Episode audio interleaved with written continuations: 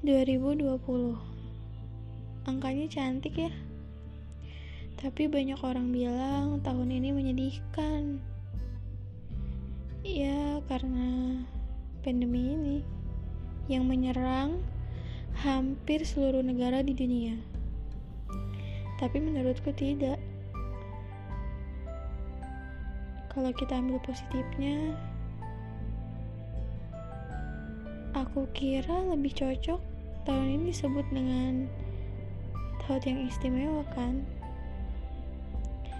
Kita jadi lebih banyak punya waktu di rumah. Terkhusus untuk umat muslim mungkin ada sedikit penyesalan karena Ramadan tahun ini tidak semeriah Ramadan-Ramadan di tahun lalu mungkin kegiatan Ramadan yang biasa kita lakukan juga tidak bisa kita lakukan di tahun ini.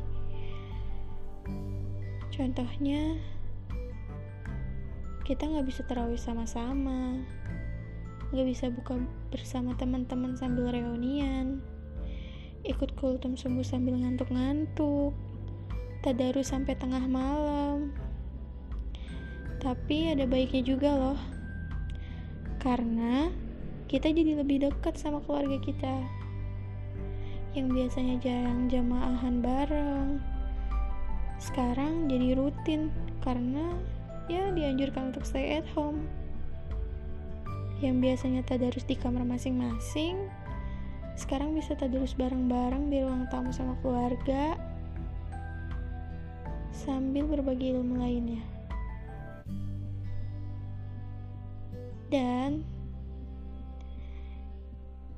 Senangnya lagi, buka puasa tahun ini selalu rame. Karena semuanya ngumpul di rumah.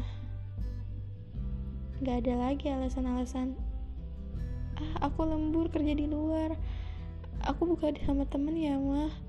Aduh, mah gak bisa nih. Ada janji sama temanku. Dan alasan-alasan lainnya. Yang penting, amalannya tidak ditinggalkan kan? Yuk, sama-sama kita sucikan diri, sucikan hati, bersama-sama meraih kemenangan di bulan penuh ampunan yang berkah ini. Dan meraih hati yang fitri di hari Id yang fitri nanti.